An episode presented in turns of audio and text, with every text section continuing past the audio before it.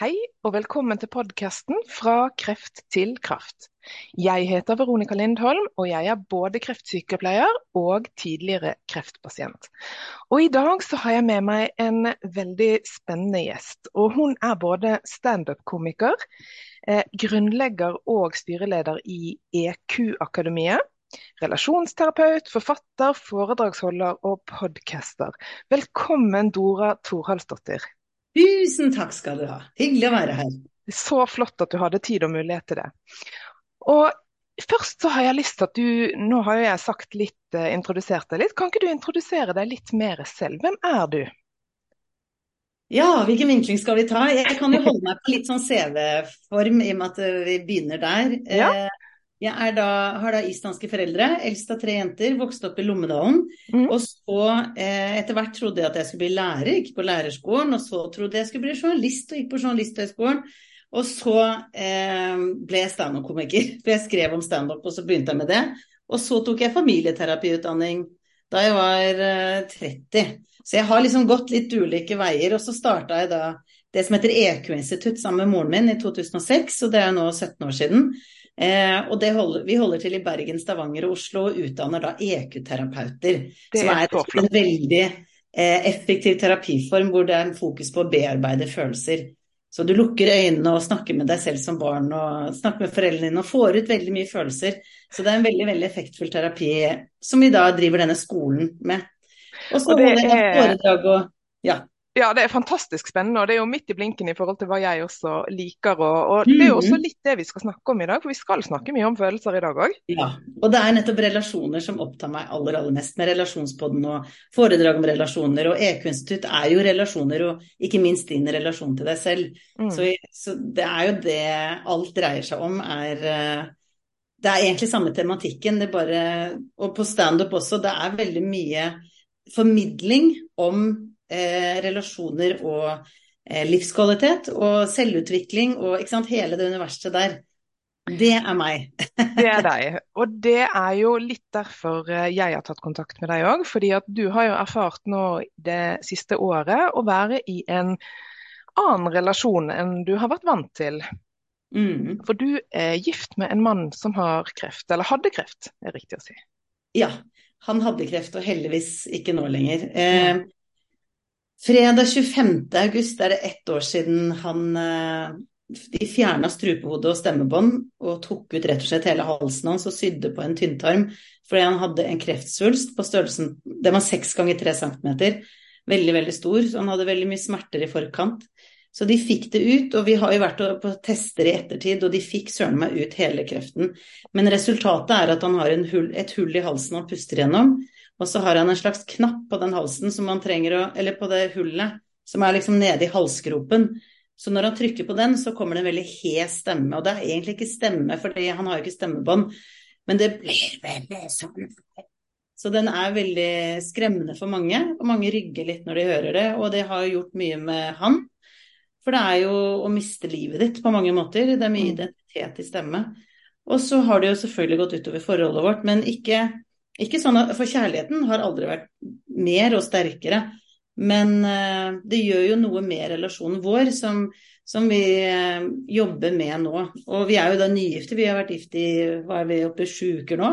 Ja, gratulerer forresten. Takk. Det er veldig stas å gifte seg som voksen. Men for å spole litt tilbake. Eh, han fikk første gang kreft i 2016, kan det stemme? Ja, 2015 så, så fikk han eh, kreft i halsen. Så det er jo kreft på samme sted for andre gang, rett og slett. Det som skjedde, Jeg kan ta det bare sånn veldig kronologisk. I 2015 så fikk han kreft i halsen. Det ble behandlet med stråling, cellegift og operasjon. Han var inn og ut av sykehuset i åtte måneder, og så ble han erklært frisk. Og mm. det var han jo i fem og et halvt år. Og etter fem og et halvt år etter eh, fem år så blir man jo friskmeldt. Da gjelder det ikke lenger å bedrive og teste om du har kreft. Men så begynte det etter hvert, etter ganske kort tid etter at det hadde gått fem år, begynte å gjøre vondt i halsen igjen. Og han mistenkte at nå er kreften tilbake. Så gikk han på sykehuset, eller ba fastlegen om å sende han til eh, sykehuset for å sjekke. Og dette her pågikk i ett og et halvt år med to ulike leger For den ene gikk av med pensjon, og så kom det en annen en. Og de sa hele tiden det er senskader, det er senskader etter stråling, dette må du bare regne med. Men det ble jo bare verre og verre og verre, og det syns han var veldig sånn rart at det er så smertefullt å svelge. Eh, jeg har en veldig sterk følelse av at jeg har en klump i halsen. Og var, altså den vokste jo til seks ganger tre centimeter. Og så fordi han var så standhaftig, så fikk han en sete i fjor sommer. Og så ringte de på selveste 22. juli, som er jo en belasta dato fra før. Mm. Og da, 22. juli 2022, så fikk vi da vite at de hadde funnet noe. Og det var jo ikke noe vits i å lure på hva de fant, fordi når du finner noe på setet, så er det ikke en føflekk på avveie, liksom, eller Nei. en sjokoladeflekk som de har gjort en feil med, eller noe. Det er kreft. Mm. Så da visste han jeg har kreft igjen. Mm. Og da rakna hele verden, altså. For da hadde vi vært sammen i 16 måneder. Akkurat kjøpt hus. Vi hadde kjøpt hyttetomt, vi skulle bygge hytte. Vi drev og pusset opp. Vi hadde den beste sommeren jeg har noen gang hatt. Mm. Eh, med våre to familier. Han har da tre barn, og jeg har to. Og vi, liksom, vi ble en familie. Og, og var så utrolig forelska. Sånn, jeg følte så veldig at livet 2.0 var i gang. Mm. Og jeg hadde en sånn veldig sterk følelse av at nå kan godt nå kan historien om Dora godt stoppe med 'and then she lived happily ever after'. Mm. For da var jeg liksom 48 år, super Eller ja, da var jeg ja, 49 år jeg da. Eh, superlykkelig, superforelska, alt var på plass. Vi hadde kjøpt ikke sant? Alt var så innmari sånn Nå er jeg hjemme. Alt mm. er Det kan ikke bli bedre enn dette. Eh, så derfor krasja de, de gikk fra virkelig himmel til helvete 22.07. Mm. i fjor når vi skjønte at kreften var tilbake, og vi skjønte at dette er veldig alvorlig. Fordi eh, vi ble jo da innkalt veldig kjapt etterpå, eh, og så sa de at eh, den er seks ganger tre centimeter. Eneste måten å overleve på er operasjon, men det vil medføre at du får et hull i halsen og må bruke taleventil. Men det var akkurat som hva som skulle skje etter operasjonen var totalt irrelevant, for alt handla om overlevelse. Mm husker at når de snakket om dette her, så satt jeg hele tiden og tenkte sånn Drit i å snakke om det. Det er jo Er det operasjon eller ikke? Og vi måtte jo vente to uker på å få svar om det ble operasjon, fordi han kirurgen som er han som skulle gjøre, avgjøre dette, var på ferie. Sånn at det var en veldig sånn tøff tid i to uker hvor vi ikke visste om det ble operasjon eller ikke. Så, så sykehuset hadde åpenbart veldig fokus på overlevelse. Hva hadde dere fokus på? Nei, Det var jo det at eh, i to uker, sommeren i fjor, så hadde vi akkurat kjøpt dette hus huset. Eh, vi hadde akkurat begynt på oppussing. Og mens da håndverkerne holdt på å pusse opp, så visste ikke vi i to uker om han skulle leve eller dø. Og vi planla begravelsen hans fordi vi visste at hvis han ikke får operasjon, så er han kanskje død om en måned eller to. Og da trenger vi oss faktisk snakke om hvilke sanger vil du ha. Mm. Og faren hans døde av kreft da han var 54. Og det er jo det, den samme alderen Jan Tore var i da. Eller er, han er 54. Mm. Mm. Så Eh, det var veldig sånn, Dette her var ikke noe sånn vi tok lett på, fordi at når faren din har dødd av kreft akkurat samme alder du er i selv, så vet du dette her er ikke noe du mm. tar lett på. Så vi planla begravelse, og så planla vi et hastebryllup i tilfelle det ikke ble operasjon, så ville vi begge to at vi skulle være gift når han døde. Og det er utrolig rart å si dette, men, men det var en helt sånn reell planleggingsperiode og sorg og, og det absurde i det derre hverdagslige som skjer i en krise, som jeg tror Du trenger å ha vært i en krise, krise, for å skjønne hva jeg snakker om. at mm. Plutselig trengte vi å faktisk snakke om men hva skal vi lage til middag. Vi har jo disse tenåringene her. Mm. mm. Jeg drar ut og kjøper lasagne. Plutselig er ordinære ting De forsvinner jo ikke ut av livet. Men det er samtidig veldig brutalt, fordi dere står der som nyetablerte, nyforelsket, mm. og så skulle forholde seg til døden på den måten. Mm. Det er jo, For folk som ikke har opplevd det, som du sier, så er det jo veldig, veldig brutalt. Mm. Hvordan angrep dere dette her? Var det mye tårer, var det mye rasjonalisering? Ja, jeg, eh, det jeg husker mest fra tiden, var overraskelsen av hvor sliten jeg var. Altså, vi sov nok. For det var jo ikke noe, vi skulle ikke opp, vi hadde ikke noe vekkerklokke eller noe. Men det var jo en sånn utmattelse, og jeg skulle bare male et gjerde, noe så enkelt som det. Og det var så vanskelig å ha overskudd til å gjøre det. Det var helt utslitt. Mm. Og det jeg trodde kanskje Jeg har trodd at den da Hvis jeg får vite at jeg har kort tid igjen, så har vi jo den der uttrykket med bucketlist. Det er ting du har lyst til å gjøre før du dør. Mm. Når realiteten kom, på at han hadde kort tid igjen, så valgte jo han det samme jeg også ville ha valgt, og det var bare ville være sammen med de aller, aller nærmeste. Og bare være her i et trygt sted og snakke sammen. Gråt, vi gråt og gråt. Altså maken til mye gråting. Jeg var helt tom. Mm. Jeg tenkte det går ikke an å gråte så mye. Jeg var så redd for at jeg skulle liksom bli enke før jeg ble, ble gift. Og ja. endelig traff jeg den store kjærligheten. Altså, jeg har jo truffet den store kjærligheten før. ja, men, men, det føles jo sånn når man møter liksom. Sånn er det jo. Ja. Jeg tror bare mange har tenkt å, dette er den store kjærligheten. Og så. Ja. Men så var det så veldig Vi, liksom det, vi traff så innmari blink. Vi var på date og ble sammen på første date og var sånn innmari um... Kjærlighet ved første blikk? Ja, rett og slett. Ja. Og så var det da liksom Skal alt dette bli tatt fra meg? En veldig sånn urettferdighetsfølelse. Mm. Eh, masse frykt og redsel, og det var bare overlevelse som var fokuset vårt. Eh, vi, vi, var ikke noe opptatt av denne ventilen og hvordan stemmes Det var bare overlevelse, overlevelse, overlevelse som sto i fokus. Og det var en sånn utmattelse jeg var mest forundra over. Og så gikk de to ukene, og vi hadde da time 8.8 liksom i fjor, og da skulle vi få vite om det ble operasjon eller ikke. Og da kom vi på sykehuset, og så fikk vi vite med en gang det blir operasjon. Og da også var jeg også sånn overraska over hvordan bare Jeg merka sånn Der begynte jeg å puste igjen. Ja. Eh, for jeg merka at jeg hadde jo egentlig ikke pusta i to uker. Mm. Eh, og så var vi jo veldig letta, men samtidig er det jo en risikooperasjon fordi svulsten var så nærme hovedpulsåren. Sånn at det var jo en risiko med operasjon også. Eh, så men da fikk dere en, en, et håp, i hvert fall, selv ja. om ja, ja, ja, ja. risiko? Det var mye mer sannsynlig at han skulle overleve enn, enn å dø. Det var bare at det lå en Det var ikke gitt at dette skulle gå bra. Men jeg må spørre, for jeg er jo over gjennomsnittet opptatt av barn som pårørende. Var dere mm. åpne med barna deres mm. på begge sider? Veldig, ja. Vi snakket så mye om det at sønnen min på Eller vi har hver vår 15-åring, og de var 14 i fjor, mm. åpenbart. eh, men, sa, men, begge to sa kan vi være så snill å snakke om noe annet snart. Ja. For de syntes at det ble veldig mye fokus på det, så vi, vi snakka det i hjel omtrent. Ja, men det, kanskje det var bra, da? Ja, jeg tenker at det de visste hvor vi var, hvor redde vi var. Vi var vi, jeg ville ikke at hvis dette går gærent, at de at det kommer fullstendig som et sjokk at det var såpass alvorlig. Sånn at det var veldig høy grad av ærlighet hele veien. Eh, og veldig mye nærhet og klemmer og eh, Men samtidig så er jo barn, barn og ungdom, vil jeg si, ganske gode på å gå inn og ut av sorg. Mens, mens jeg var liksom i konstant sånn fraværende Syntes det var vanskelig å holde tråden. Jeg var veldig usosial. Ekstre, jeg ville ikke snakke med noen. Syntes det var slitsomt å svare på meldinger fra, fra, folk. Men vi var jo veldig ærlige fra første sekund. Vi la det jo ut med en gang på Instagram at uh, han har fått kreft, og om to uker får vite om svar. Og, så fikk vi masse respons, men jeg var så overraska over hvor lite jeg orka å svare på der hvor folk hadde liksom giddet å sette seg ned og sende melding, som jeg virkelig satte pris på. Men det å skulle svare hver enkelt, det føltes helt sånn uoverkommelig svært, liksom. Men da må jeg spørre deg, fordi jeg opplevde selv faktisk å miste mange som, som jeg trodde sto meg nær da jeg selv fikk kreft. Var det noe dere opplevde, at folk trakk seg unna? Ja. Jan Tore ble jo syk i 2015, og da mista han veldig mange venner fordi han var ikke ærlig om hvordan han hadde det.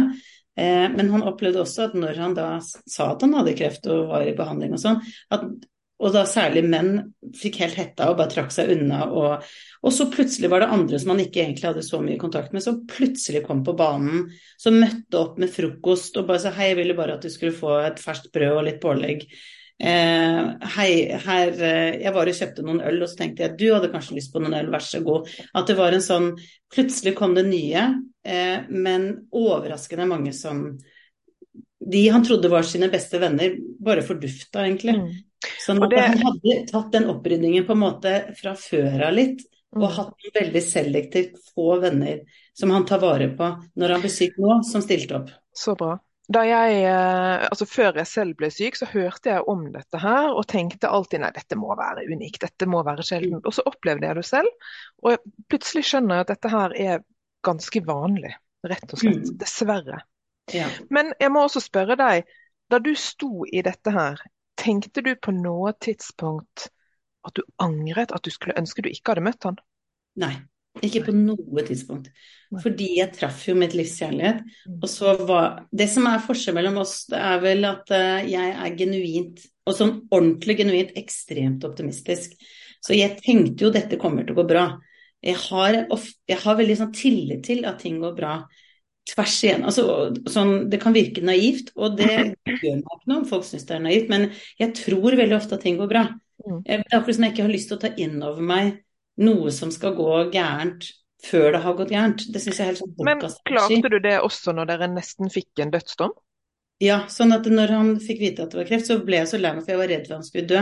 Men jeg sa hele tiden jeg har skikkelig troa på at det kommer til å gå bra. Mm. Jeg tror på at dette går bra. Jeg er redd for at det går gærent, men jeg tror det kommer til å gå bra. Og det var oppriktig? Ja.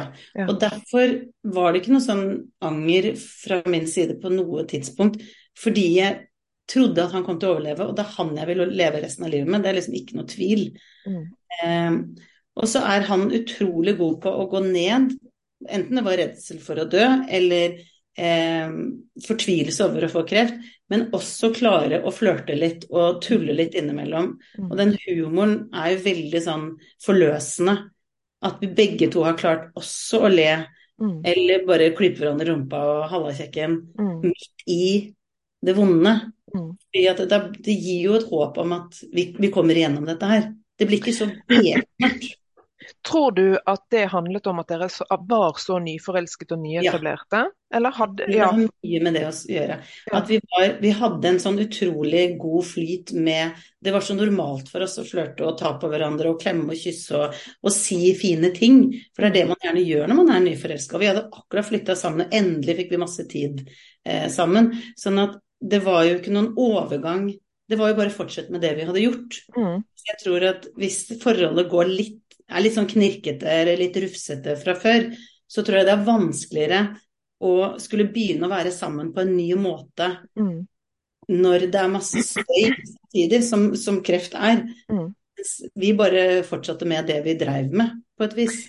Men hvis vi nå hopper litt frem i tid, til i dag, for nå Mm. har det jo gått et år, og eh, Jan Tore har jo endret seg på veldig radikal måte. Mm. Dels med stemmen, kanskje utseendet. Nå, nå kjenner jo ikke jeg han, men, men du har jo beskrevet at han har blitt veldig tynn og problemer med å, å spise og drikke og som Mm. sagt stemmen. Hvordan er den nyforelskelsen, har den forsvunnet og gått over i noe annet, eller ligger den i bunnen fortsatt? Nei, han er jo fremdeles det mest sexy mennesket jeg vet om. Eh, og jeg syns han er Altså, jeg kan så ofte se på han og tenke sånn Tenk at du er min. Jeg syns han er helt vidunderlig. Han syns ikke det om seg selv, sånn som før. Så han sier jo selv at han har fått en sånn skikkelig knekk i forhold til sitt forhold til seg. Fordi han er 1,94 høy, flott mann, kjekk. Fått automatisk respekt i alle, på alle arenaer. Når han kommer inn et sted, så får han god service. Eh, det er noe med måten han er på som Og jeg tror det også gjelder menn, voksne menn som liksom er flotte. De, da, da henvender folk seg liksom med sånn Hei, hva kan jeg hjelpe deg med? Mm. Og så når han nå møter opp, han har jo gått ned 25 kilo, så han har blitt mye tynnere. Men når han da trykker på en knapp, og det kommer en sånn. Det er jo ikke en veldig fin stemme, og den er jo ikke naturlig. Så da blir folk stressa, og veldig mange begynner å snakke høyt, som om man snakker dårlig, eller hører dårlig. Eh, veldig mange tror han er dum, så de begynner å snakke til han. De peker på en pose, dette har skjedd mange ganger, peker på en pose, så sier de sånn 'pose', skal du ha pose? Eh, og det er en sånn enorm kontrast med det å alltid ha eh, vært liksom en som har en posisjon, da, bare ved å krafte å være den du er, til et sånt kjempefall på at du trenger å si 'jeg hører helt fint selv om jeg ikke har stemme', eller 'jeg er ikke dum selv om eh, jeg har denne rare stemmen her'. Um, og der, Han gråt så ofte når han kom hjem fra butikk eller apotek, eller, og de, kanskje de ikke hadde hørt hva han sa. Han dro på bilverksted og skulle si hva de trengte å gjøre, og så skjønte de ikke hva han sa. Og han begynte å skrive på telefonen, og så tok det så lang tid, så han bare gikk derfra. Han var helt bunnløst fortvila, fordi Mm. Jeg har bare mista livet mitt og blitt uføretrygda. Han vil jo jobbe, nå er han plutselig hjemme hver dag. Mm. Eh, Sånn at det er Jeg vil si at det første året hadde vi veldig mye sjokkarta opplevelser fysisk. For han hadde så mye slim, og har mye slim i halsen. Men kroppen tilpasser seg jo. Og til å begynne med var det så ille. Han våkna ofte om natta, fikk ikke puste. Og det var kjempestress for meg også. Jeg sto jo bøyd over. Han hadde nesten svimt av på badet flere ganger, for han fikk ikke luft. Mm. Og da sto jeg nedi sånn lite hull i halsen og dro opp skorper fra operasjonsdøren. Eh, og jeg er jo ingen sykepleier, jeg kan ingenting om anatomi, jeg er helt elendig. Jeg burde ikke ha det ansvaret der. Men jeg har jo stått så mange ganger og på en måte redda livet hans fordi at jeg måtte dra ut slim når han selv fikk ikke oksygen. Eh, så det har vært så mange skremmende sånne fysiske ting, mens nå er det mer psykisk. Ja. Og, og, jeg tenker du sier på en måte har du kanskje reddet livet, men jeg tenker at hadde han vært alene, ja. så er det jo ikke sikkert det hadde gått bra. Fordi han hadde kanskje Nei. ikke fått tak i helsepersonell og hjelp. Så og kanskje det, det, har ja, Nei, men han sier jo det også, at eh, jeg hadde ikke levd uten deg. Men, og det er flere grunner til det. Og det, det vi ble fortalt, det er en som har ansvaret for disse taleventilene i Norge. Det er bare 130 i Norge som har de. Mm. Og som har liksom ansvaret, Han som er selgeren for dette produktet, han er faktisk hjemme hos alle 130, så han vet hvem alle er. Så denne informasjonen har vi fra han, og han har jobbet med dette i 30 år siden den ventilen kom. Det har ikke vært noe utvikling, tenk deg det, siden 1990. Helt utrolig. Det er 33 år siden. Mm. At, eh, fordi det er så få, og gjennomsnittsalderen er høy, så er de for gamle og for å investeres penger i å utvikle dette er noe særlig mer. Og på verdensbasis gjelder det samme òg, altså, så det er ikke bare Norge. Og så er det jo dessverre sånn at det er noen kreftformer som er en i gåseøyne en statuskrefttype, mm. og noen som ikke er status. Og dessverre er jo strupekreft ofte karakterisert som en ikke-statussykdom. Ja. Og dermed så blir det heller ikke forsket like mye på. Ikke sant. Men det, det er helt forferdelig, egentlig. Ja, det er helt forferdelig, fordi at det er så livsinngripende på så mange måter. Mm. Eh, men det han fortalte, da, som har jobbet med dette i alle år, han sa at av alle kreftoperasjoner hvor man overlever, så er denne krefttypen det mest vanlige å ta Det er høyest selvmord. Og det han også sa, var at det er absolutt en veldig stor Altså Av de som tar livet av seg, så er de alene eller single eller enslige. Mm. Fordi at de har ikke det, den å lene seg på som er såpass tett. Og, og, en annen ting er bare rett og slett at du trenger å føle at du er verdifull når du mister fullstendig troen på deg selv. Mm. Sånn at det er veldig høy selvmordsstatistikk rett og slett etter og man, disse årene. Ja, og man vet jo at menn også tar oftere selvmord enn kvinner. Mm. Og du har jo delt med meg at uh, Jan Tore også er veldig deprimert etter dette her. Mm. Eller ble. Ja, ja. Er, er, dette med selvmord noe dere snakker om eller tenker på? Ja. Vi har snakket om det veldig mye. fordi det vi bestemte oss for veldig veldig tidlig, helt helt fra starten av, var at det er kjempeviktig at vi begge to er ærlige om hva vi tenker, selv om det er skummelt. Og da mm. kan vi bare begynne med å si ok, dette syns jeg er skummelt, nå skal du høre, ikke sant. Mm. Og det har vi gjort fra starten av. Og han har vært veldig redd for at jeg skal finne en annen en som er frisk.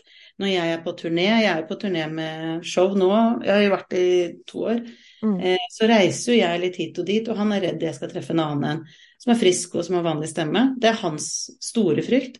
Og min frykt er at han forblir deprimert mm. og lei seg og fortvila over veldig lang tid. Hvor jeg liksom på en måte mister liksom den glade eh, mannen som er full av overskudd og, og i mm. pluss. Eh, så jeg har, har, vært veldig ærlig om det. Og så har han også vært ærlig om at nå, når han forteller hvor langt nede han er, så kan han si nå er jeg der hvor jeg tenker at dere, hele familien, fordi vi er jo en storfamilie, dere hadde hatt det bedre uten meg, for jeg er, er bare til bry, eller eh, nå er jeg liksom bare i veien, eller Og sånne tanker. Og det syns jeg er så viktig å snakke om, fordi mm. veldig mange får fullstendig hetta av selvmord. Men det er, ikke, det er ikke det at han planlegger å ta livet av seg, men han, det er en indikasjon, og det tenker jeg også fra terapirommet, at når noen sier vet du, jeg er så langt nede at det føles så lett sultne mm. for å vite at det går an å ta livet av seg, så tenker jeg men det er nettopp det at det kan virke trøstende nesten å bare tenke på den tanken. At ikke vi, trenger, vi kan ikke være så livredde for å snakke om selvmord, for det er egentlig et bilde på at vet du hva, nå er det så mørkt, at det virker forlokkende. Og bare å si det høyt, mm. da er jo mye av selvmordsfaren allerede redusert. Tror du at det at du er eh unnskyld, relasjonsterapeut også har vært preventivt og medvirkende til at dere har den dialogen og åpenheten dere har rundt disse tingene?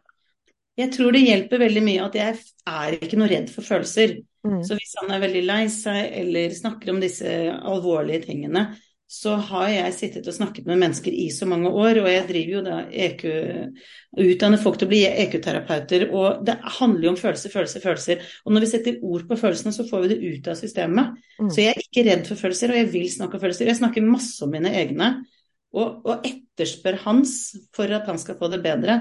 Og det som skjer når han da forteller at nå har jeg det sånn og sånn, eller da jeg dro på den butikken, eller eh, Vi hadde jo stor 50-årsdag og bryllupsfest hvor vennene hans kom og mine, og han kunne jo ikke snakke med folk, for ingen som hørte hva han sa. Det er jo utrolig vondt å oppleve at mitt sosiale liv har bare gått i vasken. Han kan aldri svømme igjen, for da kommer det vann inn i det hullet, og da drukner han. Vi solgte båten. Han er fra Tønsberg, og vi bor i Tønsberg. Han, har, han elsker jo sjølivet, og det må han bare gi opp. Mm. Eh, han kan ikke stå og fiske lenger. Hvis han detter uti, så drukner han jo. Mm. Sånn at um, det er så mange sorger. Eh, og når han da setter ord på de, så merker jeg også hvor mye lettere han blir med en gang han har fått sagt det. Mm. Og så er du veldig, Han er veldig opptatt av at jeg ikke skal være terapeuten hans. Med en gang jeg får litt sånn tonefall som er litt sånn eh, Hvordan er det for deg? Ja. Så sier han nei, nei, nei. Nå, jeg vil at du har kona mi, ikke terapeuten min. Ja. Så, så jeg, men jeg tror absolutt det er en fordel, for jeg er ikke noe redd for å snakke om følelser, og veldig tilhenger av det. Ja. Eh, og det gjør jo at, at vi kan snakke om følelser, men så kan vi plutselig skifte om, og, og vi har heldigvis humoren liksom er aldri langt unna. Og det Mm. gjør at det blir ikke så mørkt. Han er deprimert. Og jeg begynner å innse at jeg også egentlig har en veldig stor sorg som egentlig akkurat påbegynt på Mm. hva vi har mistet. Mm. Det er litt nytt for meg. Eh, men så er det det at innimellom å tulle litt også, og så gå tilbake til det kjipe. Du la ut med å, å si at du så for deg en sånn happy ever after-ending etter at dere fant hverandre og, og kjøpte hus. Er den følelsen borte nå? Nei, men jeg føler at det, du kan ikke si 'and then she lived happily ever after' når jeg er der jeg er nå. fordi vi er jo litt i sjokk og sorg over at dette har skjedd. Mm. Og så driver vi og venner oss til dette her, og det tror jeg tar Det som er en, den, den trøsten vår, da, for å si det, det er at eh, det er en som heter Geir. Eh, Så Jan Tore har en tynntarm som er sydd på spiserøret, fordi to, den kreftsvulsten var så stor. I Norge så finnes det to personer som har tynntarm i hals, det er Jan Tore og Geir. Og Geir hadde denne operasjonen for elleve år siden. Så han er den eneste vi kan henvende oss til og få noen svar. Og han snakker mye bedre, for han har vent seg til Han trykker på halsen, og da snakker han mye høyere. Så han snakker bedre, og han kan spise bedre. Og det er jo en trøst. Han ligger liksom elleve år foran. Han sa noe som jeg tror veldig på, og det var at det tar to år. Det første året er fysisk, og det andre er psykisk.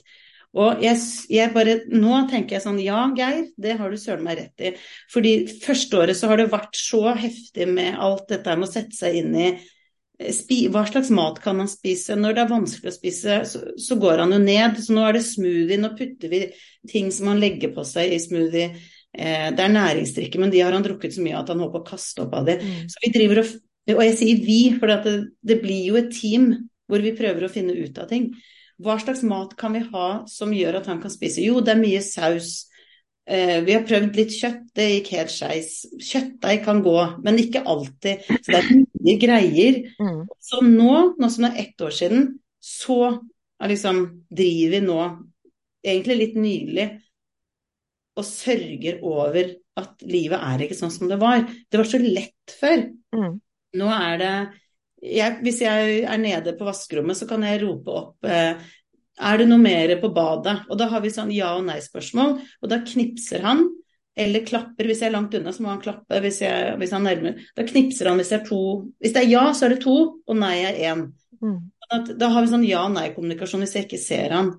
Men ellers så må jeg liksom stå ved siden av. Jeg kan aldri ringe han igjen, f.eks. Jeg må bare facetime og lese leppene hans. Mm. Så det er en sorgprosess vi er i nå. Jeg opplever, for jeg kjenner meg veldig igjen i det du beskriver nå, og jeg opplevde, på tross av min kunnskap og min faglige bakgrunn, så opplevde jeg en voldsom skam rundt den sorgen jeg kjente på. Og den kom, som du sier, i løpet av ja, slutten av det første året. Mm. Um, Og den sorgen og den depresjonen jeg gikk inn, i, gikk inn i, den skjulte jeg fordi jeg følte det så skamfullt. Er det forbundet skam med sånne følelser? Veldig ofte så tenker jeg at det er skam knytta til at du burde være så takknemlig for at du overlevde. Ja. Og ved å være deprimert, så er det som om du ikke er takknemlig for at Ja. du fikk det i gave. Og du burde jo bare være så fornøyd, for at du lever jo. Herregud, du kunne jo ha dødd fra Mm. familien eller hvem det måtte være. Og så sitter du der og henger med huet, liksom. Skjerp deg. Det tror jeg er Jeg må bare si Ja. jeg tror det er så mange som kjenner på akkurat det der, og det er så underkommunisert. Mm, ja. Til og med blant helsepersonell og sykehus. Så er det Ja. den der 'yes, du lever', klapp på skulderen. Men det er jo en sorg over at du har mista noe. Det er Mm. et konkret tap. For, for noen så er det jo kanskje endring av spisevaner eller smerter eller, eller hva det måtte være. Men, eller bli behandla annerledes av andre. Eller at du har mist Sånn som Jan Tore, da. Og jeg vet at det å ikke kunne svømme lenger, eller eh, at det høres lite ut, men når du legger det sammen med mange andre ting, Mm. så blir summen av det en kjempesorg, fordi at alt er bare dette har jeg mistet. Han kan ikke dra på en pub og drikke. Og jeg har jo ikke nevnt en annen ting som er kjempestort, og det er at han har mista smak og luktesans. Ja. For å lukte så må du jo trekke luft inn i nesa, men Mm. han trekker jo luft inn i et hull i halsen. Ja. Så han har jo mista Og det, det, å gå, det er ikke noe vits for oss at vi går på en fin restaurant. For det første sliter han med å spise, og det andre at han smaker ikke det han spiser. Mm. Og han har jobba i øl, eh, ølbransjen i, i flere år, og øl og vin. Og før elsket han jo å ta et glass hvitvin, ikke sant. Um, Opplever dere at sånne små i gåseøyne ting Ja. blir bagatellisert av utenforstående som ikke helt forstår? Um, jeg tror, ja, ja, det er den følelsen av at ingen skjønner hvor, hvor heftig dette her er. Nei. Fordi at når jeg nå nevner Nå har vi snakket ganske lenge, og først nå kommer jeg på å nevne smak og luktesans. Fordi at det er så mye annet. Men det er jo et kjempetap. jeg tenker Når folk hadde korona og mista smakssans i to uker, eller hva det var, så syns jeg det var helt grusomt. For det var så kjedelig å spise. Men sånn har han det hele tiden. Og sånn er det resten av livet. Det er jo liksom den derre heftige This is for life. Og det er den delen jeg føler at vi går inn i nå. At dette her er ikke midlertidig. Og det er det jeg har nå innrømmet litt for meg selv, at jeg har jo innerst inne gått og tenkt bare vi får dette overstått nå, så blir ting som før. Mm. Så er det akkurat som jeg trenger å ta inn over meg. Og det er en sorg over at vi har mistet det enkle livet vi hadde før. Og nå er alt mye mer komplisert og mer sånn eh, Det er annerledes, rett og slett. Da. Mm. da er det jo dette her med at jeg føler jo litt at jeg burde være takknemlig for at han lever, og ikke gå og, og være negativ, hvis du skjønner. Men trenger det å sidestilles, denne takknemligheten over livet og sorgen, trenger det å settes opp mot hverandre? Nei, for jeg er jo takknemlig for at han lever, og på samme tid veldig lei meg for at, at han har mista så mye av den gleden som han Han var, han var liksom det morsomste, og han er jo veldig morsom, men, men han sprudler jo ikke over i det hele tatt sånn som han gjorde før. Eh, Nei, én ting er det, men, men altså i et Unnskyld. Nei, jeg jeg er sikker på at det kommer mer glede, men han kommer til å slite med helsa i så lang tid, og det er en sorg Mm, som ikke klar. har noe mangel på takknemlighet å gjøre. Så jeg Nei. ville bare si ja, jeg er enig med deg at det trenger ikke å sidestilles. Nei. Jeg tenker i et parforhold, nå snakker du om denne sprudlende mannen som du, som du hadde dype og lange samtaler med. De samtalene utgjør også en veldig viktig del av et parforhold. Klarer dere, på tross av de begrensningene dere nå har, å leve videre som mann og kone likestilt, eller er du blitt eh, på en måte pleier Er han degradert i forholdet? Nei, jeg tenker ikke at han er degradert, men eh, det er i perioder, når han har vært veldig dårlig, at jeg har tatt meg i, og det har vi snakket også om, altså, men at det blir en sånn pleier- og pasientrelasjon. Det er en veldig usexy relasjon som minner litt om sånn mor og sønn i de parforholdene hvor, hvor det kanskje er friske mennesker, hvor eh, kvinnen Og jeg har gjort dette med min eks, altså, og jeg vet Dette har jeg vært helt åpen om også. At når han tok så lite ansvar hjemme, på hjemmebane, så gikk jeg rundt og hadde Det var som å ha en tenåring jeg skulle administrere. Mm. kan ikke du ta ut oppvaskmaskinen? Og det hadde vært veldig fint om du tok ut oppvaskmaskinen. Tenk, nei, klarte du å ta ut oppvaskmaskinen så bra at det, det var liksom sånn det var, Åh, jeg ble helt utslitt av tanken på det. Men det er en utrolig usexy rolle når kvinner blir mødrene til, til kjærestene sine fordi at de ikke er likeverdige og likestilte i relasjonen. og og sånn. Eh, og det som er skummelt med å bli pårørende, er denne pleierrollen du går litt inn i, hvor eh, det blir så mye fokus på helsa at du, du mister litt av syne det seksuelle, flørten, kvinne, mann, Mm. Eh, lene seg på, ikke minst. Jeg, jeg, var jo, Nå er det ikke sånn nå lenger, da, men til å begynne med så tenkte jeg jeg kan jo ikke fortelle han om noe jeg syns er vanskelig, for han har så nok med seg. Mm. Og så skjønte jeg etter hvert at han vil veldig gjerne føle at han er der for meg. For ja, han har nok med sine ting, men det er ingen en tallerken hvor alt renner over hvis jeg kommer med litt fløtegratinerte poteter oppå det berget av uh, mm. ting han har. Hvis man ser for seg en buffé og du fyller på, det er alle hans problemer. Men ved at jeg kommer med mine ting, så er det en ny tallerken. mm. Og så opplever jeg ofte at opplever ofte at folk sammenligner med at ja, men, men du har jo hatt kreft, så det at, mi, at min eh, finger gjør vondt, det blir jo mm. ingenting. Men, men jeg, og jeg er veldig opptatt av dette med at man kan ikke sammenligne. Du kan godt ha vondt i fingeren selv om han har kreft og alle mm. disse tingene han mm. har, og, og få lov til å snakke om den fingeren, som, som kanskje oppleves utenfra som en bagatell, men den gjør jo vondt. Ja, for den som det angår. Hvis ja. noe er vanskelig for meg, så er det vanskelig for meg. Mm. Uavhengig av hvordan andre har det rundt meg. Nemlig. Er noe vanskelig for meg, så er det noe med å dele det. Eh, eller noe jeg syns er trøblete, eller noe jeg strever med. Jeg tok ikke for gitt at han orka å høre på mine ting, men så gradvis etter hvert, og det er kanskje et halvt år siden, at at vi hadde en sånn nesten aha-opplevelse på at eh, han ville jo føle at han er viktig for meg, og at jeg kan komme til han med ting. Mm. Eh, og hvis, hvis, jeg slutter med det, så frarøver jeg han en rolle han vil ha. Og det er jo det å være kvinne, mann, kjæresteforhold. Eh, den eh, fundamentet som vi har, da. Vi, det blir jo mindre og mindre fundament. Det blir jo plutselig er det jo bare kompiser til slutt, da. Hvis mm. man skal uh, drive og ta altfor mye hensyn der hvor den ene får liksom hele arenaen. Så derfor tror jeg at det er veldig viktig å nettopp dele av den fingeren. Mm. Fordi uh, det er ikke en konkurranse. Og det leder meg litt inn på uh, som mann og kone så har man jo som regel i hvert fall også et seksualliv. Kan jeg få lov å spørre deg hvordan det mm. har utviklet seg gjennom det året som har gått med så alvorlig sykdom og hans psykiske helse som har blitt veldig dårlig? Du, Det som skjedde, var at det krasja jo fullstendig fordi at han eh, hadde jo denne operasjonen hvor han sleit veldig mye med å puste og var ja. ekstremt mye utmatta. Mm. Og da var min tanke nå setter vi bare hele det, den delen av livet på vent. Og det hadde jeg ingen problemer med, for jeg så så Altså, det var rett foran øynene mine mm. hvor åpenbart han bare Det, det handla om å bare overleve kvarter til kvarter. Eh, og da var jo ikke lysten min der heller. Altså, da er det bare sånn Den delen bare skrus av. Mm. Men jeg tror det som er faren på mange forhold, er at når det begynner å bli mer normalitet, når det kanskje kommer et litt mer normalt energinivå, så er det det å finne tilbake til det.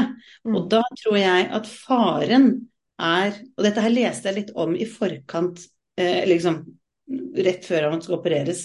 At det som er litt faren i en del forhold, er at den som er frisk, tør ikke å eh, ta initiativ til sex fordi at eh, han eller hun er redd for at eh, da den syke personen vil måtte si nei, jeg orker ikke, eller jeg, jeg, er ikke tent, eller akkurat nå så det er det siste jeg tenker på.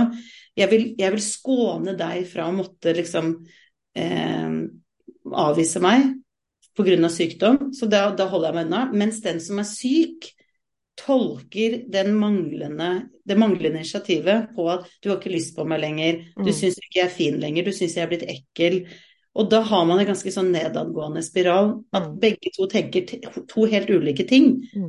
men tror det ene og det andre. Og derfor er dette med ærlighet altså det, det er det store mantra mm. at vi snakket ganske tidlig om at nå er sexlivet på vent. Det er bare på et venterom inntil videre. Og så åpner den døra når du begynner å tenke de baner, liksom, sa jeg til Mm. Og så sa han at eh, hvis du ikke tør å ta noe initiativ, så tror jo jeg det verste. For jeg syns jo allerede at denne stemmen og dette hullet i halsen er usexy for deg. Mm. Så det er ingenting i meg som tror at du vil ha meg. Så derfor trenger du også å vise at du vil det. Og hvis jeg avviser deg, så er det ikke personlig, det vet du. Altså at vi trengte liksom å ha den dialogen, og så ble ble du Altså, det er jo tilbake igjen, men ikke med den frekvensen som var før. Mm. Eh, men når det, det handler jo rett og slett om eh, jeg kan ta et, Dette her er sånn ved siden av, vi har ikke gjort dette her, men jeg så et TV-program for lenge siden og som handla om sexlivet til folk. Og da var det om at vi har ofte ulik lyst. Og da var det et forslag, jeg bare kom på det nå, for jeg syns egentlig det er litt god. Det var et sånt kjøleskap med sånn kjøleskapsmagneter. Og så av en eller annen grunn jeg tror det var A og eh, K, paret. Og så eh, var det sånn at hvis du hadde lyst, hvis du hadde tenkt sånn nå, vet du hva, skjer det i dag, alle tiders, da dro du opp din magnet litt opp på kjøleskapet. Mens hvis du var sånn, vet du hva, jeg har tusen ting å tenke på, jeg er overhodet ikke gira, så dro du magneten ned. Sånn at da kunne du bare se på kjøleskapet hvor bokstaven var.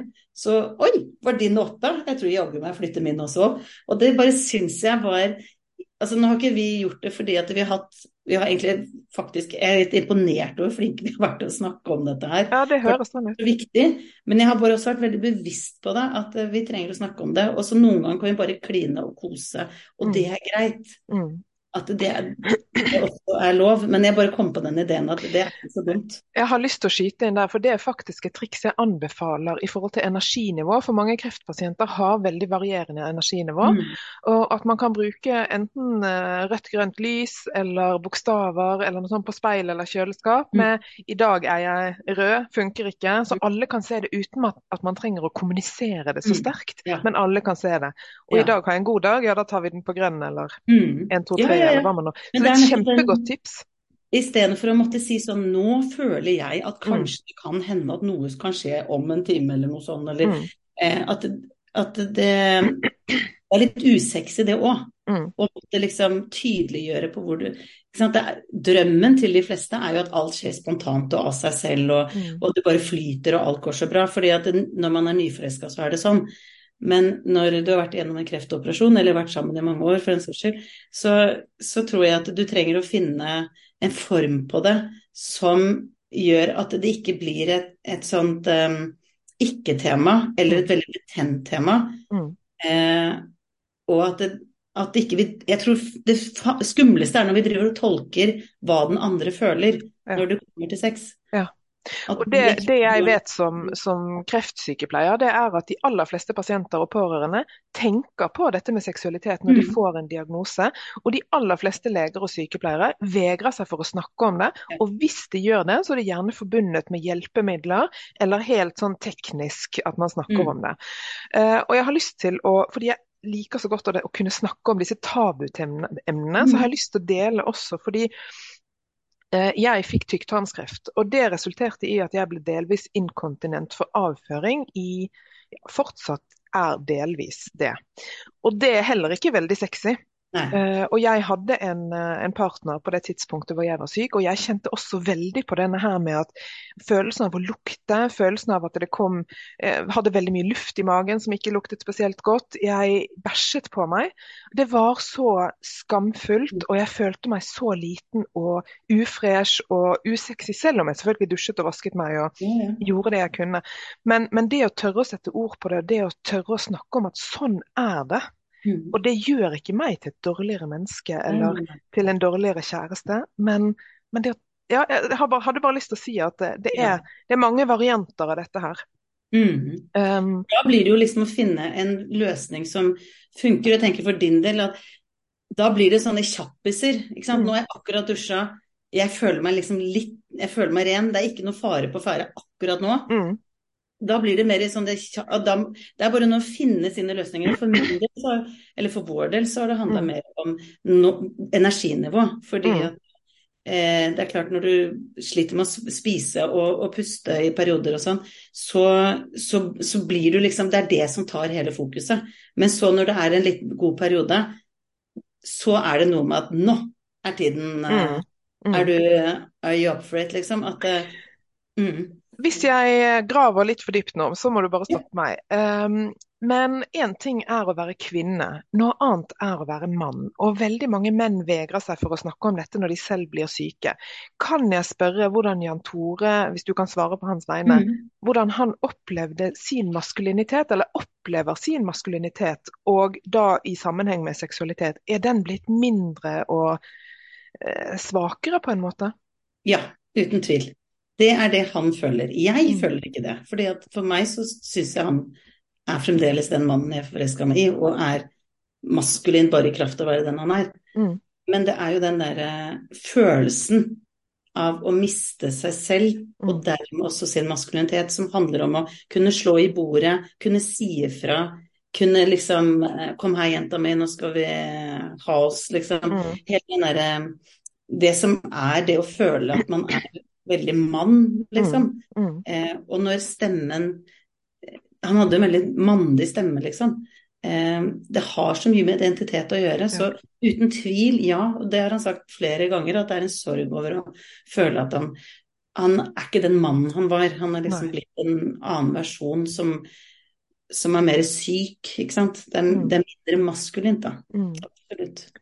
Har dere gått i noen form for terapi sammen, eller hver for seg?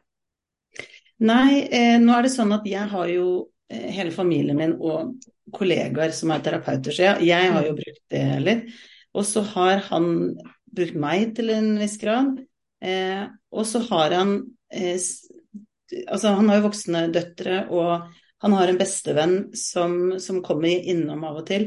Og det som jeg tror er hans redning, da, hans måte å ha terapi på, er at han er veldig ærlig om åssen han har det med alle som spør, eller som er i nærheten.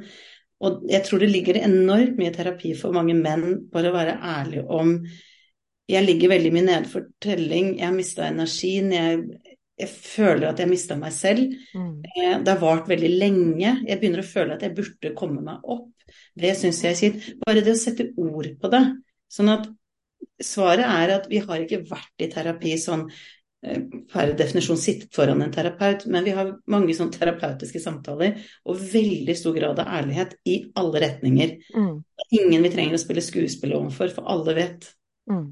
Og det er jo en, en kjempegave at dere har så mange som, som også hjelper dere på den måten, da, som man kanskje Mm. slipper, Som tåler det. Ja, Ja. ikke minst. Ikke minst. Ja. Ja. Det at du er så åpen og ærlig, eh, påvirker det deres samliv i noen grad negativt? Nei, jeg tror, jeg tror ikke det, og det har jeg snakket med han også om. Og det, det er liksom befriende, for alle vet hvordan ting står til hele tiden. Og så er det eh, Hva skal jeg si for noe? Det, det gir jo en frihet på Jeg, jeg syns veldig mange driver og spiller mye skuespill. Mm. Og eh, skjuler, og det er fasade og mens det er liksom Sånn er det nå, og akkurat nå for tiden så er jeg veldig ærlig om at min sorg er det plass til nå, for det har vært så mye fokus på overlevelse. Mm. Eh, mens det er en reell sorg, og den vil jeg være ærlig om i alle mulige overalt. Og det, det er bare utrolig sånn befriende, syns jeg, at det, det er ingen jeg skjuler noe for, Mm. eller det er Og jeg er ærlig med meg selv og ærlig rundt, og da blir liksom ikke det spillet. Du, du snakker jo veldig eh, nøkternt om dette her nå, men, men er, du, er du alltid så saklig, eller faller Nei, du sammen og jeg Nei, jeg griner masse og Ja. Nei da. Jeg har, jeg har grått masse og, og vært fortvila og eh, bare følt litt Jeg tror grunnen til at jeg kanskje virker som om jeg er litt sånn uberørt, er bare at jeg snakker om disse tingene så mye. Ja. Til mine rundt. Sånn at hadde jeg ikke gjort det, så hadde jeg jo ikke klart å fullføre en setning. Da hadde det bare vært sånn gråtkvalt. Ja. Da kan, det kan virke som jeg driver og snakker om kjøttkaker og hvilken dag det er, når jeg snakker om livet som ganske hardt i en Mm. depresjon. Men, men sannheten er bare at vi snakker om, om det her med alle. Det er ingen jeg ikke er ærlig med, som er i livet. Jeg kjenner meg veldig godt igjen i det. At Ja. jeg også kan snakke veldig tilsynelatende overfladisk om de vanskelige Ja. tingene, men det er jo vanskelig allikevel. Ja. Ja, ja, ja, ja. Jo, men det er klart, når jeg Og det er bare noen få dager siden, for vi fikk sånn minner opp fra når vi var på sykehuset før han mista stemmen. Og jeg visste jeg får aldri høre stemmen hans igjen. Og han skal puste gjennom et hull, og det blir masse greier. Eh, det begynner å komme opp sånne minner fra For det var så tett opp til operasjonen. Og, og så plutselig så slo det meg at den han var, savner jeg jo. Mm. Jeg har jo grått i tre dager, liksom. Jeg har vært skikkelig lei meg. Og, eh, og, for å forstå meg selv, så trenger jeg også å snakke om det. Mm. Det er en veldig god måte å få terapi på, er jo bare snakke høyt om tankene som kommer. Og nå har jeg brukt liksom søsteren min der, og Jan Tore der, og mamma der, og, og en venninne der. Så, så, nå føler jeg at jeg har liksom kommet ovenpå.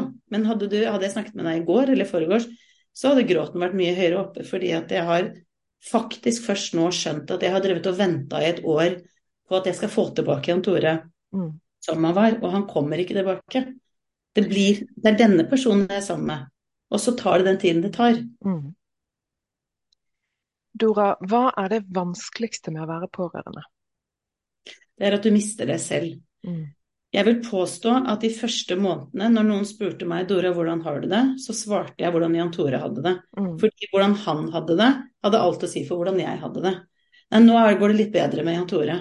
Mm. Og så var folk sånn Ja, men jeg spurte hvordan det var med deg, og da kunne jeg si sånn Jeg vet ikke, jeg har ikke snakka med Dora på fire måneder, jeg. Jeg vet ikke, jeg vet ikke hvor Jeg mista hun borti bakevja her. Mm. Det er veldig fort gjort at alt handler om Og jeg sammenligner egentlig litt med å bli småbarnsforeldre.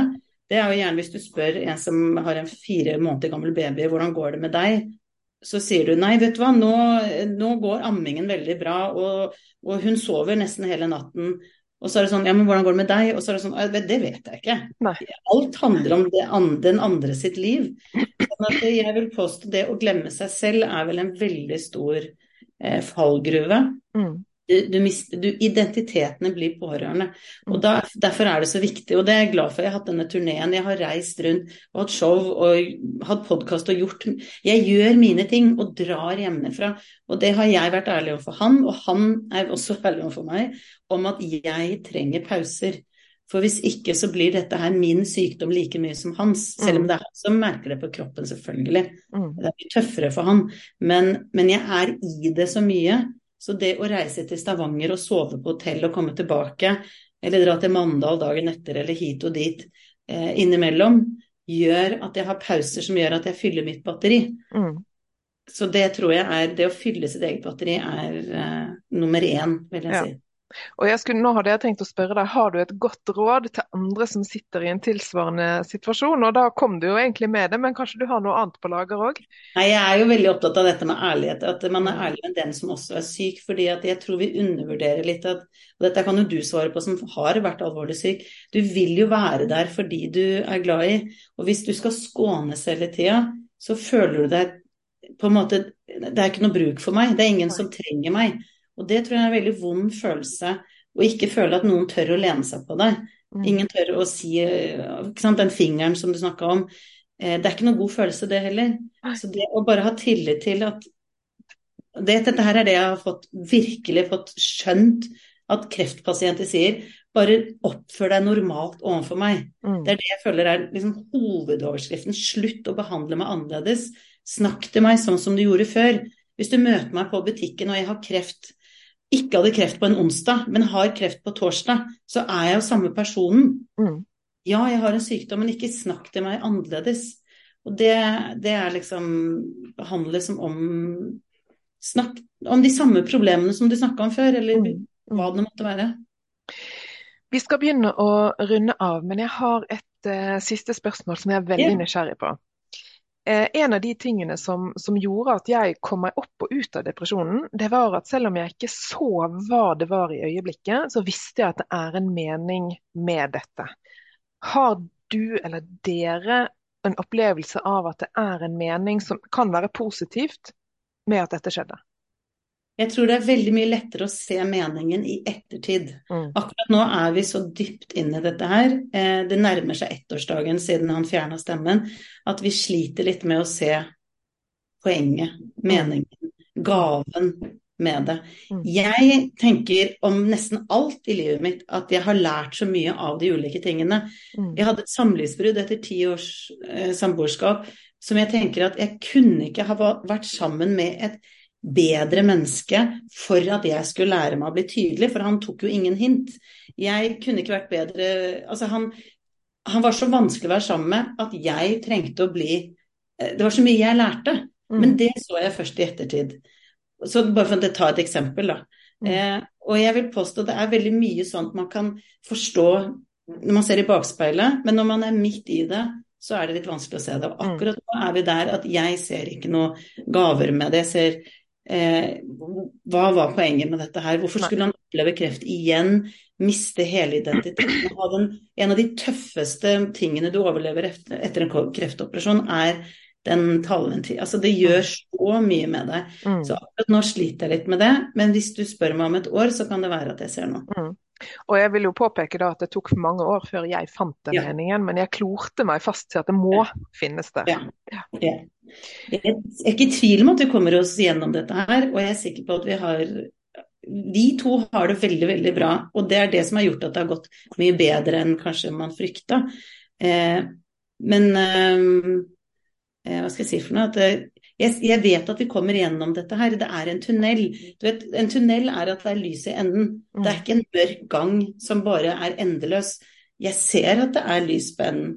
Mm. Men det blir ikke sånn som det var da vi kjørte inn i tunnelen, at vi kommer ut igjen der vi kom fra. Vi kommer ut på et annet sted, og det er sol der, men det er på en annen måte. Mm. Kloke, fine ord som en avslutning, Dora. Tusen hjertelig takk for at du var med på podkasten i dag, og lykke til til dere begge.